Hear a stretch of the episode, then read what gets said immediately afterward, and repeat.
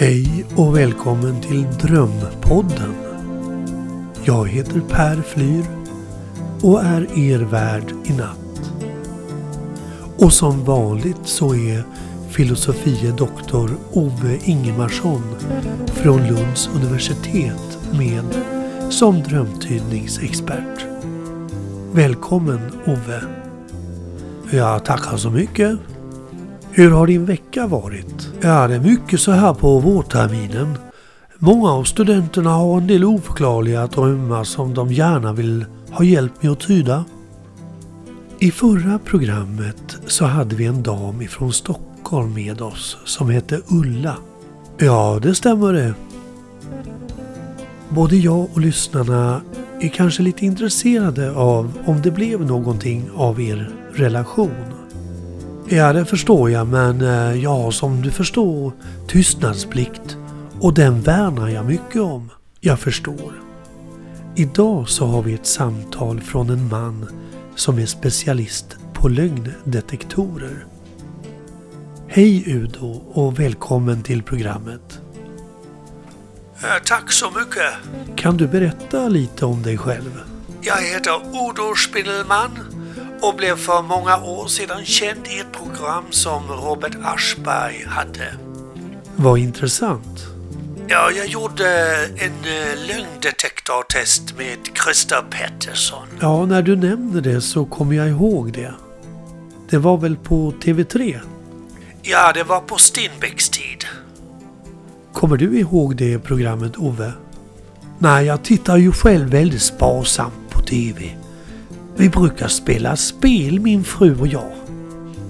Däremot verkar det ju som om Udo och jag båda två är akademiker. Ja, jag är utbildad på universitetet i Bonn och har en doktorsexamen i parapsykologi och många andra ämnen också för den delen. Det låter som om herrarna redan har funnit varandra. Men du Udo har tydligen haft en dröm som har förföljt dig under åren. Ja, det började faktiskt ganska oskyldigt. Jag kunde inte sova så jag blandade lite förbjudna örter, så att säga, och tabletter och drack dem. Oj då.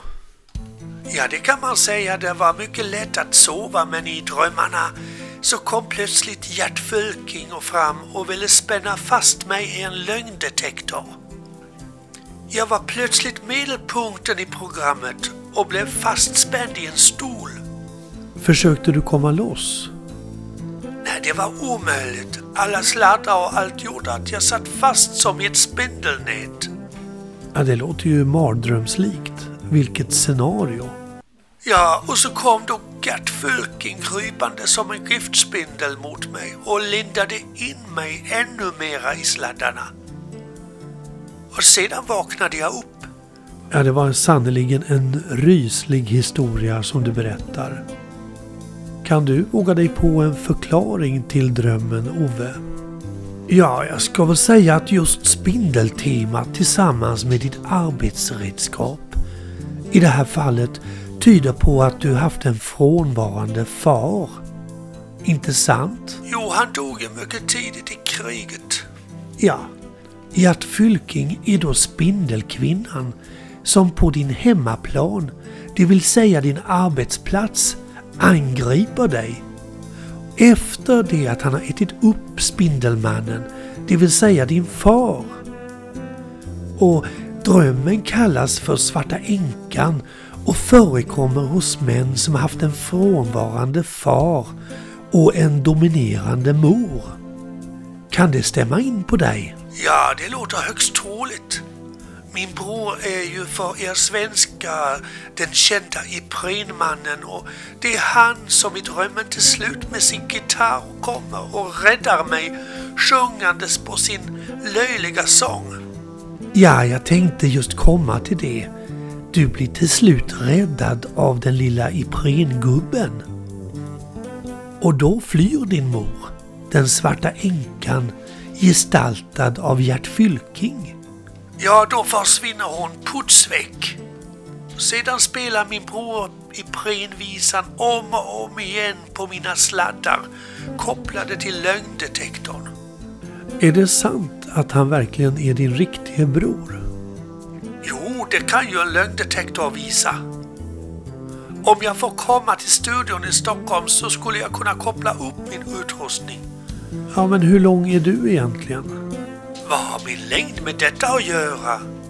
Jag är en meter och 48 centimeter. Varken längre eller kortare. Tack, då tror vi på dig. Hoppas att ni som lyssnat också har lärt er något om spindlar och annat ikväll. Nästa vecka ska vi prata om drömmar och andeutdrivning. Och då kommer vi få den välkände TV-profilen Terry Evans på besök. Missa inte det. Ha en god natt och dröm sött.